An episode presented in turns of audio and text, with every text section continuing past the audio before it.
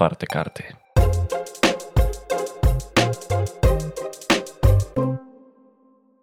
Dzień dobry. Dzień dobry, Józef Poznar. Jędrzej Jazgar. Słuchacie podcastu Otwarte Karty.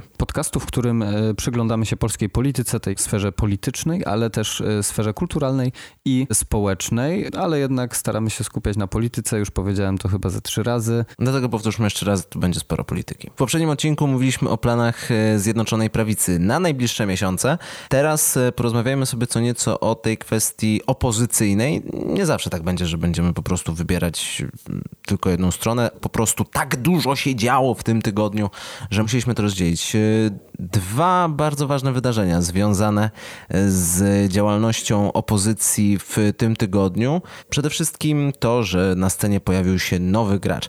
W prywatnych rozmowach między sobą w zeszłym tygodniu mówiliśmy, no coś cicho o tym Hołowni, coś tak jakby, Przycichł. jakby Co tak on teraz będzie osłabł. przez te trzy lata robił? A tu się okazuje, że będzie chodził W na tym ryby. samym czasie. W tym samym czasie okazało się, że będzie chodził na ryby. Co masz na myśli? No, że zarzuca wędkę i będzie wyła- wyławiał Ojej, poszczególnych parlamentów. tutaj kreatywna metafora z łowieniem To posłów nie jest kreatywna metafora, ponieważ y, poseł lewicy To wiem, że Tomasz nie jest, Trela już chyba z 10 tweetów wypisał na ten temat. Chodzi o to, że to jest chyba pierwszy taki duży transfer w tej kadencji Sejmu, w ogóle pierwszy transfer w kadencji tej ostatniej. Tak, no trzeba przyznać, że tutaj i posłowie i senatorowie trzymają się bardzo mocno w swoich okopach. Posłanka Hanna Gil-Piątek opuściła szeregi nowej lewicy, czy też lewicy, czy mm, jak oni się teraz nazywają, jakkolwiek się nazywają. Tak czy siak opuściła szeregi lewicy, czy też wiosny, Znaczy opuściła y, na pewno szeregi klubu, par, y, klubu parlamentu. klubu parlamentarnego lewicy. Tak jest. i przeszła do ruchu Polska 2050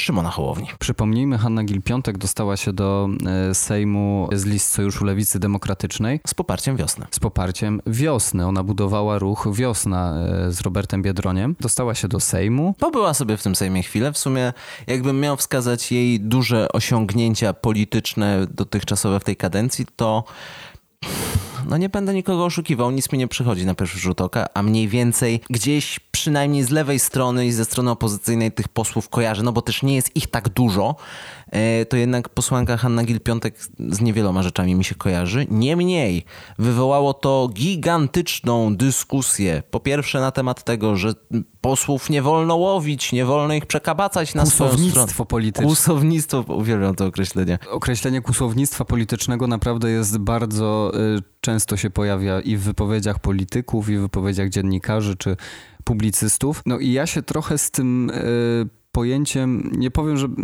nie powiem, że nie wolno go używać, bo ono jest troszkę takie, jakby to powiedzieć, brutalne, y, no ale trochę też pokazuje realia polskiej polityki, czy polityki w ogóle. No, y, wszystkie głosy sprzeciwu, które były wobec tej decyzji, większość z nich pochodziła mm, ze środowiska lewicowego. Argument wtedy był taki, że no ale ona oszukała w ten sposób swoich wyborców, bo jej wyborcy głosowali na nią na listach lewicy. Oni głosowali na nią w lewicy. Natomiast y, sama posłanka Hanna Gil-Piątek w swoim oświadczeniu opublikowała, że ona się posłuchała wyborców. Bo wyborcy do niej przyszli i powiedzieli, że oni głosowali na Hołownię, bo to taki poczciwy człowiek jest i że oni też na nią by chcieli głosować, ale głosują na Hołownię, więc dla niej naturalną rzeczą było przejście do ruchu Hołowni. A, czyli ona y, to zrobiła pod wpływem swoich wyborców, którzy, Tak to tłumaczyła. którzy głosowali na nią w wyborach parlamentarnych, a parę miesięcy później w wyborach prezydenckich oddali głos na Szymona Hołownię. I to był argument właśnie y, w tym jej dylemacie, czy przechodzić, czy nie przechodzić. No tak, żebyśmy też mieli jasność, to nie jest y, pierwszy transfer polityczny, jeśli chodzi o Hannę Gil-Piątek, ponieważ ona przez bardzo długo, chyba 12 lat była członkiem Zielonych, a później w 2019 roku no, przeszła do wiosny, kiedy przyszła wiosna. Ona ją budowała, ona do niej nie przeszła. No dobrze, przepraszam, oczywiście, nie, nie przeszła, budowała. A teraz będzie budować od podstaw y, ruch Szymona Hołowni, No już nie od takich podstaw. Jakieś podstawy już tam są, jakiś taki, y, jakby to powiedzieć, sztab zarządzający całym przedsięwzięciem. Owszem, ale jeśli chodzi o działalność parlamentarną, to są podstawy. W tym momencie e, Hanna Gil-Piątek jest jedyną posłanką, jedyną przedstawicielką e, ruchu Szymona Hołowni w parlamencie, co de facto sprawia, że jej jakikolwiek realny wpływ na cokolwiek jest, no nie jest zerowy, ale jest bardzo nikły, ponieważ samotny parlamentarzysta w Senacie, okej, może sobie co nieco podziałać, natomiast w Sejmie może w głosowaniach, które są bardzo na równi i, i większość parlamentarna e, Zjednoczonej Prawicy by się nie uzbrała, może być tym języczkiem uwagi, ale tak naprawdę z perspektywy ustawodawczej pojedynczy poseł ma zerową moc sprawczą. Też przypomnijmy, że mm, na przykład, żeby złożyć projekt ustawy, no to poseł nie zrobi tego sam. Tutaj potrzeba 15 posłów co najmniej. Jak zapowiada Szymon Hołownia, Hanna Gil-Piątek nie zostanie w Sejmie e, długo sama, ponieważ zapowiada, że do końca tej kadencji parlamentu, czyli do 2023 roku e, powstanie koło poselskie. E, no i samotny poseł niewiele może, jeżeli chodzi o na przykład czas wystąpień. Jeżeli już będzie koło poselskie, to tego czasu jest więcej. No a klub to już w ogóle jeszcze więcej. No ale dobra, to już no nie, no wchodzimy też... w regulamin sejmowy, to już jest strasznie strasznie nudne. Jedną z podstawowych y, różnic między klubem poselskim a kołem poselskim jest to, że koło poselskie nie ma swoich przedstawicieli w konwencie seniorów. Konwent seniorów jest to organ Sejmu, no tak, chyba tak najprościej mówiąc. organów Sejmu. No i celem. Kolegialnym. Tak, celem konwentu seniorów jest przede wszystkim planowanie tego, jak Sejm funkcjonuje. Tutaj jest praca, yy, powiedzmy, organizacyjna. Formalnie tak, jeżeli już chodzi o dokumenty i tak dalej, tym się zajmują biura sejmowe. Zatem, podsumowując, yy, myśląc o Sejmie, byłoby miło mieć klub parlamentarny, ale czasami koło to jest też coś, czym można się zadowolić. Obecnie w Sejmie mamy jedno koło poselskie. Jest to koło yy, Konfederacji, ponieważ mają tych posłów 11 zamiast 15. No, bywa, zdarza się i tak. Natomiast, jeżeli ruch Szymona Hołowni chce liczyć na jakąkolwiek relewantność, jeżeli chce pozostać świeży i aktualny w pamięci wszystkich, no to dobrze by było, żeby uzbierać jeszcze do Hanny Gil-Piątek dwóch posłów, żeby mogli zawiązać to koło poselskie, które będzie podwaliną dla działalności parlamentarnej Szymona Hołowni. Więc rzeczą oczywistą i naturalną stało się to, że zaczęło się spekulowanie, kto jeszcze, kto jeszcze. No bo myślę, że gdyby Hanna Gil-Piątek była tym jednym pojedynczym, samotnym strzelcem, to by nie przechodziła jeszcze. To wydaje mi się, że już w tym momencie jesteśmy na etapie dogadywania tego, żeby jak najkrótszy był okres jej samej, tylko żeby zaraz kogoś jeszcze Ktoś do niej dokoptować. wspomógł. Jakieś posiłki zaraz przyjdą. Bardzo możliwe. Na tej giełdzie nazwisk y, pojawia się na przykład poseł z Poznania, bardzo popularny przecież w social mediach, y, Franek Sterczewski, y, który... Obecnie jest w Koalicji Obywatelskiej. Jest członkiem klubu parlamentarnego Koalicji Obywatelskiej, nie jest członkiem żadnej partii wchodzącej w skład Koalicji Obywatelskiej. On został zarekomendowany na miejsce dziesiąte w Poznaniu na listach Koalicji Obywatelskiej ze względu na to, że jest czy był już chyba, no nie no, nadal jest aktywistą miejskim i działaczem społecznym. No i on z tego dziesiątego miejsca się dostał. Miał bardzo y, dobrze zrobioną kampanię w y, Poznaniu. No i on nie jest tak silnie związany z koalicją obywatelską, żeby z niej nie wyjść, no umówmy się. Y, być może nawet, nie wiem jak tam z poglądami, ale być może jeżeli chodzi o taką pracę organiczną, pracę u podstaw bliżej mu właśnie do tej idei, którą reprezentuje Szymon Hołownia, czyli taki ruch bardziej społeczny niż polityczny. Moim zdaniem oczywiście, że tak. Była taka sytuacja, że w ostatnich wyborach Koalicja Obywatelska, trochę pod wpływem Grzegorza Schetyny, na swoje listy wyborcze nabrała dużo osób niezwiązanych z polityką, osób, które były powiedzmy w strukturach lokalnych dość dobrze kojarzone, bo to byli aktywiści społeczni. I oni się podostawali faktycznie na te miejsca, więc e, paradoksalnie myślę, że jest dość dużo, ale też nie na tyle, żeby można mówić o jakiejś frakcji. W Koalicji Obywatelskiej osób, które nie są związane z tym ugrupowaniem, ale po prostu... To są raczej takie wolne elektrony, które Coś tam takiego. komentują raz y, pozytywnie, raz negatywnie to, co robi. No Klaudia Jachira jest doskonałym tego przykładem, czy Tomasz Zimoch i to też są nazwiska, które są wymieniane wśród tych, którzy mogliby przejść do Szymona Hołowni. Ja jednak jestem sceptyczny i znając moje szczęście, pojutrze się okaże, że Franek Staczewski i Tomasz Zimoch przechodzą do Hołowni. Wydaje ci się, że nie przejdą. Wydaje mi się, że nie teraz, dlatego że Szymon Hołownia, co udowodnił w swojej kampanii wyborczej, ma wszystko, niemalże wszystko obliczone i tak wycyzelowane, żeby to wszystko było bardzo ładne i bezpieczne. I na tym wystąpieniu e, wspólnym Szymona Hołowni i Hanny Gil-Piątek e, ona została określona, jeżeli dobrze pamiętam, że ona będzie tym lewym skrzydłem ugrupowania Hołowni. A Hołownia uwielbia mówić o sobie, że on jest centrystyczny aż do bólu. On jest bezpieczny, zachowawczy, centrystyczny. Zatem, skoro najpierw była ktoś z lewicy, no to teraz potrzebny jest ktoś konserwatywny dla wyrównania. Czyli co, będzie tam podbierał z Konfederacji na przykład? Albo z... Nie, nie, nie, nie, ja powiedziałem konserwatywny, nie zamordystyczny. Czyli na przykład z, z Koalicji Polskiej może kogoś sobie Na przykład tak. Myślę, że to jest kierunek, w którym mógłby się udać. Ale jak myślisz, kto tam byłby w ogóle chętny do jakiegoś transferu do Szymona Hołowni? No są te wolne elektrony wewnątrz Koalicji Polskiej, które kiedyś były skojarzone z ruchem Kukiza, a teraz w sumie nie wiadomo, czym się oni zajmują.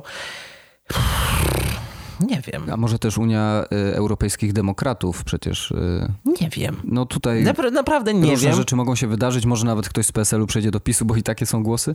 E, natomiast y, jeżeli chodzi o Szymona Hołownię i jeżeli już rozmawiamy o PSL-u, nie żebym się tutaj jakoś bało Szymona Hołownię, natomiast bycie zbyt centrystycznym, no na tym można się przejechać, co udowodnił Władysław Kosiniak-Kamysz w pierwszej turze wyborów prezydenckich. Znaczy tam oczywiście też wchodził w grę ten czynnik tego, że do wyścigu dołączył na miesiąc przed wyborami Rafał Trzaskowski, ale ludzi już trochę znudziło to bycie cały czas takim e, nawołującym do e, konsensusu, żeby szukać zgody i tak dalej, i tak dalej. To jest nudne. My już, my już jesteśmy za tym etapem, że chcemy się pogodzić, teraz po prostu chcemy krwi, chcemy dojechać drugą stronę. Tak to wygląda mniej więcej w naszej polityce.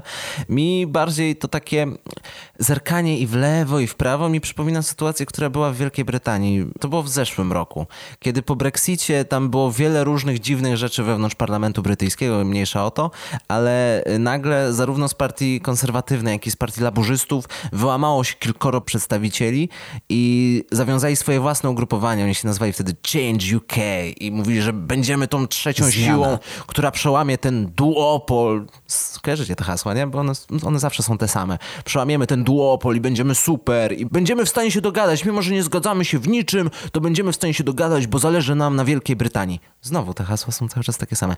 No i co? I psinco, bo się po dziewięciu miesiącach rozpadli, bo okazało się, że jednak jak nic ich nie łączy, no to, to na czym oni chcą cokolwiek zbudować? W sensie nie mieli żadnego wspólnego mianownika. No nie no, wszyscy byli przeciwko. Byli antysystemowi. Tak, dokładnie tak. Antysystemowość. No na tym się z kolei e, Paweł Kukiz przejechał. Nie no, Paweł Przecież Kukiz na był- tym dostał się do parlamentu i nic z tym nie zrobił. Nie, no ale też y, pamiętajmy, znaczy no może właśnie przez to, że nic z tym nie robił, y, tam były też transfery w poprzedniej kadencji. Y, wspomniany, wspomniana w poprzednim odcinku Kamila Andruszkiewicz, no przecież jej mąż jest obecnie wiceministrem. A był jednym z głównych twarzy Kukiza. Był jednym z, jedną z głównych twarzy ruchu narodowego w ogóle. Uch.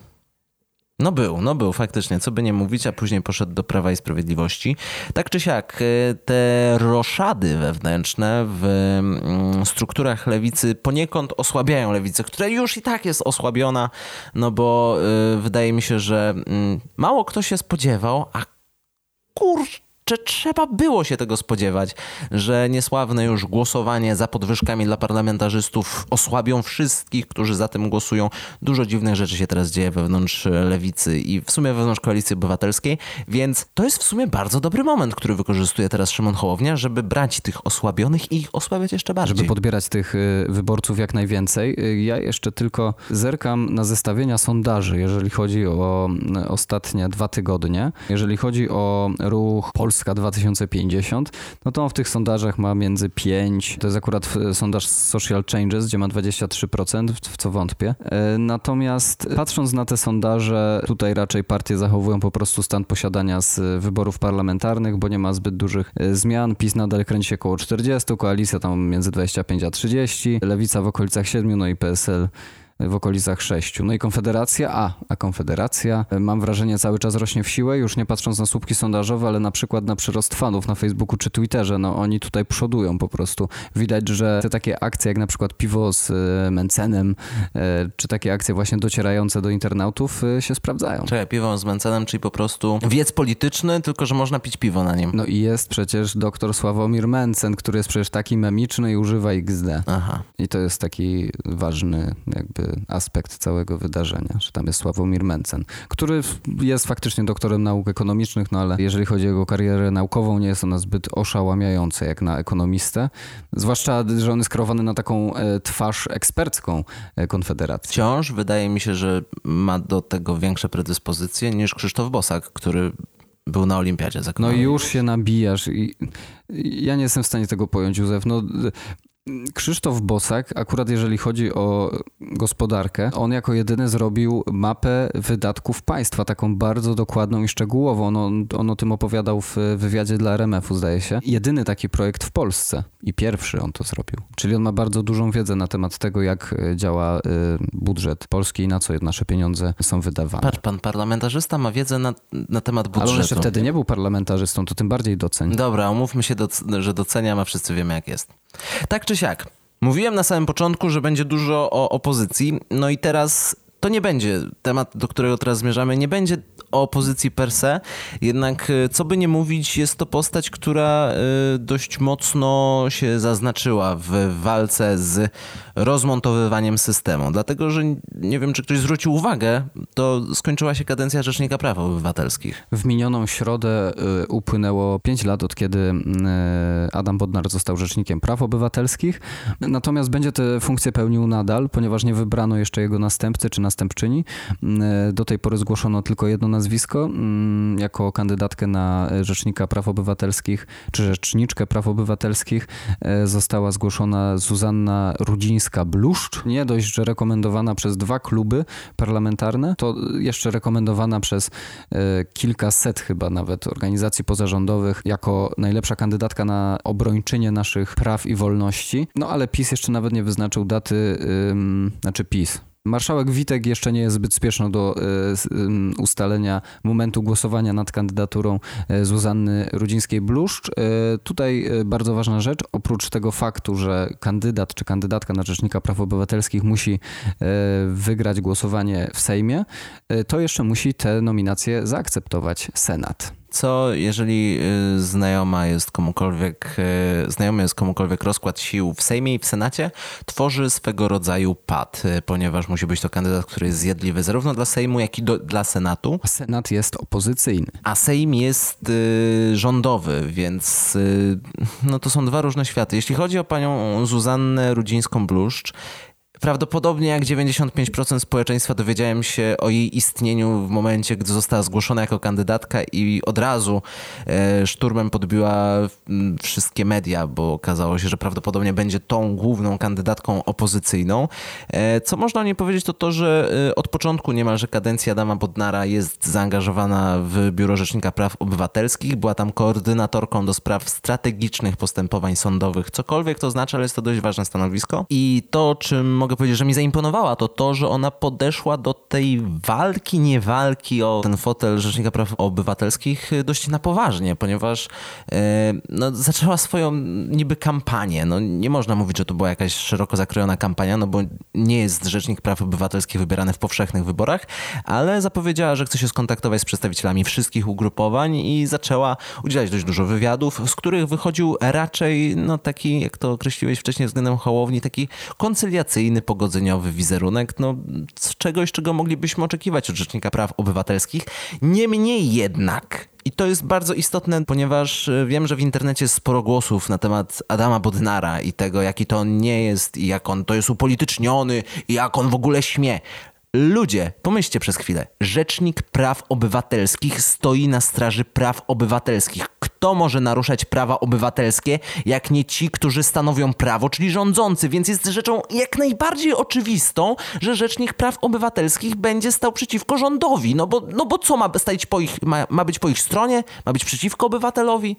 No bez przesady. Słusznie tutaj rozumiem twoje, twoje zbulwersowanie, Józef. Też mnie dziwi ten zarzut właśnie upolitycznienia urzędu e, przez Adama Bodnara. A co więcej, to co mówią przedstawiciele Prawa i Sprawiedliwości tylko pokazuje, że oni chcą, żeby to stanowisko było upolitycznione, no bo w wywiadzie dla RMF-u w, rozmowie z Marcinem Zaborskim Radosław Fogiel mówił tak, e, dlaczego w ogóle e, oni zwlekają z tą decyzją co do tego, kto ma przejąć schedę po Adamie Bodnarze. Czekaliśmy na, na ruch opozycji, mamy rekomendacje dwóch klubów jak na razie.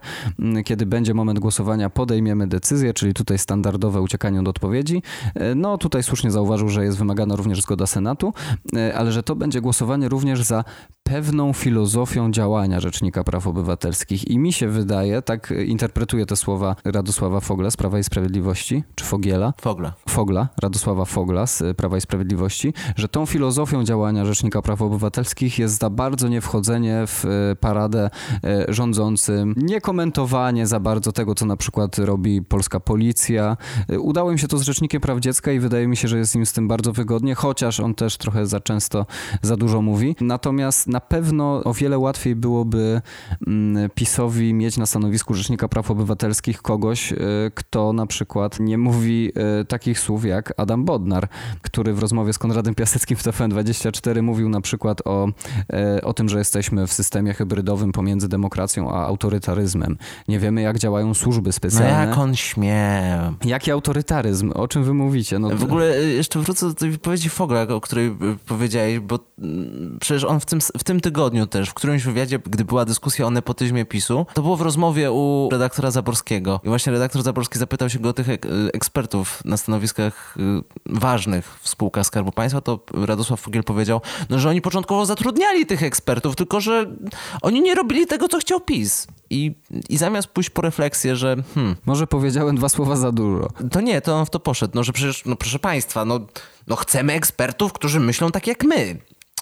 To trochę tak nie działa, no bo oczywiście eksperci mogą się nie zgadzać, aczkolwiek jak się nie da znaleźć eksperta, który myśli tak jak my, no to może to jest sygnał, żeby zmienić myślenie. Nie Albo wiem. wtedy zacząć zatrudniać e, kogoś, kto się na czymś na przykład nie zna. Wydaje mi się, że w kwestii Rzecznika Praw Obywatelskich i jego kompetencji, i dlaczego to jest bardzo istotne stanowisko, a często dość pomijane, jeśli mówimy o ważnych organach państwowych, to możemy o tym zrobić zupełnie osobny odcinek, gdy już będzie trochę więcej wiadomo na temat tego, kto może nim zostać i jak to będzie wyglądało.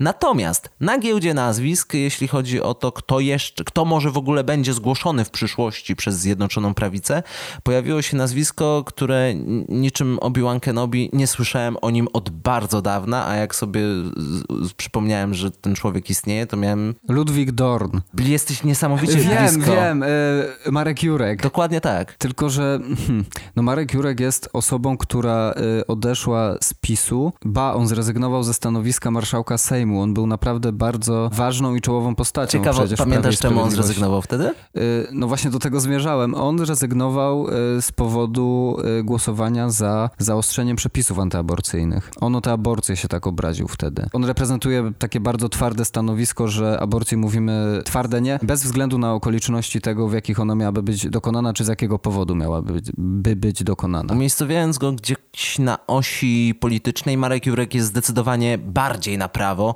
niż Prawo i Sprawiedliwość. W Zaryzyk... kwestiach światopoglądowych. Tak, oczywiście. i zaryzykowałbym też tezę, że jest nawet trochę bardziej na prawo niż Solidarna Polska Zbigniewa Ziobry, która w ostatnim czasie bardziej się lansuje, żeby być bardziej na prawo odpisu. Oni się lansują, mi się wydaje też przez to, że rozważają scenariusz, ej, odejdziemy, to pod, podbierzemy trochę elektoratu No tak, to, to nie ma znaczenia. Tak się lansują, czyli można powiedzieć, że tacy są.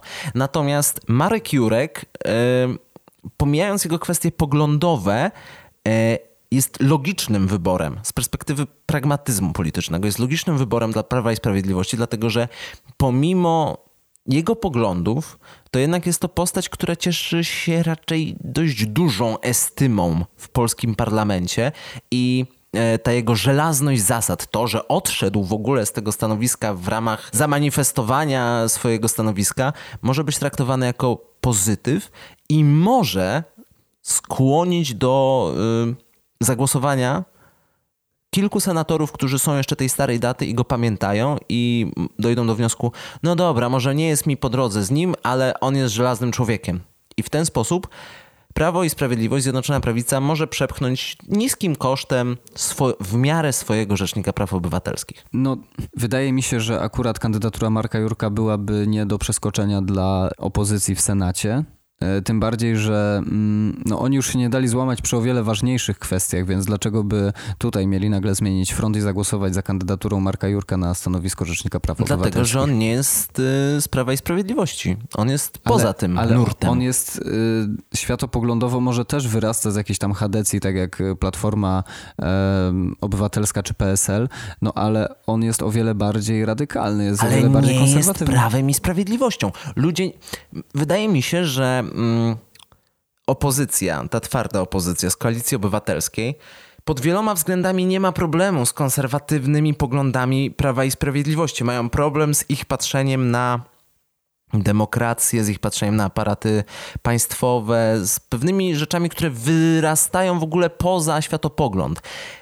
Ludzie, kochani, w ogóle tak zastanówmy się nad tym, to w czasach, gdy powstawało zarówno Prawo i Sprawiedliwość i Platforma Obywatelska, to były wręcz bliźniacze względem siebie ugrupowania. Ludzie, którzy tworzyli i jedno i drugie ugrupowanie, wychodzili z, praktycznie z tego samego środowiska. To były po prostu dwa odchyły dość zamkniętego, wąskiego spektrum. Teraz No, patrzymy nie na końca ale tego teraz patrzymy na to jako na, nie wiem, zupełnie przeciwne sobie strony, to jednak i jedno i drugie wychodziło z formy chadeckiej, z formy chrześcijańskiej demokracji, prawicowej.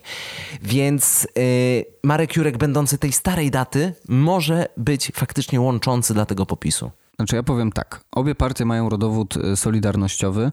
Obie też mają swoją własną solidarność. No. Y, Jedni mają Solidarność, inni nową Solidarność, ale y, jeżeli chodzi o jakieś źródła takie ideologiczne obu partii, no to tutaj zdecydowanie, jeżeli chodzi o Platformę Obywatelską, tutaj bardziej znajdujemy takie przywiązanie do liberalizmu gospodarczego. Mówimy o korzeniach, bo obecnie to jest, poszło w zupełnie inną stronę. Chociaż w sumie jak tak teraz wspominam na przykład Zytę Gilowską w y, rządzie PiSu, im też nie było przecież y, daleko od takich właśnie liberalnych bardziej. To oni, oni teraz są tacy bardziej solidarnościowi, No, ale z tacy drugiej bardziej strony socjalni. W tym Natomiast ugrupowaniu jest Gowin, który sam siebie postrzega jako wolnościowiec rynkowy. Wolnorynkowiec, no oczywiście. Y, No, dużo by tutaj w ogóle można mówić o źródłach czy rodowodach poszczególnych partii politycznych. Natomiast to, co powiedziałeś, ja się z tym zgadzam. Obu, obu partiom jest dość blisko. No przecież pamiętamy też w w 2005 roku, mm, y, no my to pamiętamy jak przez mgłę w sumie, byliśmy wtedy dość mali. No ale wtedy, wtedy się mówiło przecież o koalicji popisu. No dzisiaj to jest w ogóle nie do pomyślenia, a wtedy to był jeden z najrealniejszych scenariuszy co do tego, co się może wydarzyć po wyborach w 2005 roku, wyborach parlamentarnych. Natomiast y, nie wydaje mi się, żeby Marek Jurek był faktycznie tak zjednoczeniowy, czy tak godzący, czy mógłby być kandydaturą, która byłaby do zaakceptowania przez i opozycję, i y, Zjednoczoną Prawicę, dlatego, że jest po prostu zbyt konserwatywny. Jeśli chodzi o rzeczy, które pamiętamy jak przez mgłę, a w kontekście mm, potencjalnej kandydatury Marka Jurka na stanowisko, nacisk duży na to położę, Rzecznika Praw Obywatelskich, warto wspomnieć o sytuacji z 1999 roku, kiedy to Marek Jurek e, wespół w zespół z Michałem Kamińskim polecieli do Wielkiej Brytanii po to, żeby spotkać się z Augusto Pinochetem i mu pogratulować różnych rzeczy. I w ogóle oni się tłumaczą, że to wcale nie chodziło o to, no ale jednak mimo wszystko Augusto Pinochet Jest dość kontrowersyjną postacią. Abstrahując, że jest kontrowersyjną, nie jest kontrowersyjną postacią, kaman, to jest dyktator. To, to nie mówi się o dyktatorach w kontekście bycia kontrowersyjnym. Tak czy siak, e, czy Marek Jurek, nie sądzę, czy Zuzanna Rudzińska-Bluszcz, zostaną, zostanie rzecznikiem praw obywatelskich, nie wiadomo, ale warto mieć na względzie yy, i zainteresowaniu to, kto zostanie rzecznikiem praw obywatelskich, ponieważ no, to ma być osoba, która ma stać na straży naszych praw obywatelskich. Y, Te prawa są dość ważne, zwłaszcza, że teraz y, raz, że mamy pandemię, dwa, że nastroje polityczne trochę się uspokoiły, no ale jednak ostatnio na przykład te tematy LGBT powodowały, że dochodziło do różnych zajść na y, ulicach polskich miast. Mm, Rzecznik Praw Obywatelskich również broni naszych praw jako na przykład osób podejrzanych, czy osób, które zostały zatrzymane przez policję. No i wtedy to właśnie Biuro Rzecznika Praw Obywatelskich zajmuje się tymi sprawami, kiedy na przykład y, zostaliście waszym zdaniem niesłusznie y, zatrzymani przez y, policję, mm, jeżeli na przykład wasze przeszukanie, przeszukanie was odbyło się w sposób niezgodny z przepisami, no to właśnie Rzecznik Praw Obywatelskich i cały zastęp prawników, który w jego biurze pracuje, zajmują się tym, y, żeby takie, do takich rzeczy nie dochodziło. Y, No dlatego wolałbym, żeby to był jednak ktoś, y, kogo na przykład rekomendują organizacje pozarządowe czy jakieś stowarzyszenia, które się zajmują właśnie też y, przestrzeganiem praw człowieka na świecie czy w Polsce. Tego byśmy sobie życzyli. Jeszcze tylko jedna rzecz a propos Adama Bodnara. To jest rzecz, y, którą być może rozwiniemy w przyszłości, natomiast on powiedział o jednej ciekawej rzeczy w kontekście mm, naszych praw obywatelskich, ponieważ y, jako przykład tego, że jednak nadal jest bardzo dużo do zrobienia, podał na przykład, że nie wiemy jak działają służby specjalne i w jakim zakresie naruszają nasze prawo do prywatności. I tutaj pojawiła się nazwa oprogramowania, mogliście je gdzieś słyszeć, ale już jakiś czas temu. Chodzi o e, Pegasusa. To jest e, wirus chyba, czy trojan, e, który pozwala na mm, szpiegowanie, podsłuchiwanie rozmów, no różne rzeczy. Autorstwa bodajże izraelskich służb specjalnych. To jest chyba jakaś, nie, to chyba nie służby specjalne, tylko jakaś firma. Ale wykorzystywane i był stworzone na zlecenie. Polecam w ogóle na temat Pegasusa, był bardzo dobry reportaż na tvn który jako pierwszy opublikował, w sensie dotarł do informacji, że polskie służby specjalne mają takie oprogramowanie w swoim orężu. Że został zakupiony taki program. No i nas jako obywateli już to chyba powinno niepokoić, ponieważ program Pegasus w ogóle był też wykorzystywany przez y, mm, rozmaite reżimy y, na całym świecie do represjonowania na przykład dziennikarzy, ale może o tym y, w następnych odcinkach. Tak czy siak, dzięki wielkie za słuchanie. E, to był podcast Otwarte Karty. Józef Poznar. Jędrzej Jazgar. Słyszymy się już niedługo. Dzięki wielkie za słuchanie. Możecie nas słuchać na różnego rodzaju E, platformach podcastowych. E, oceniajcie, komentujcie, kontaktujcie się z nami. Słyszymy się już wkrótce. Na razie, pa. Z farcikiem.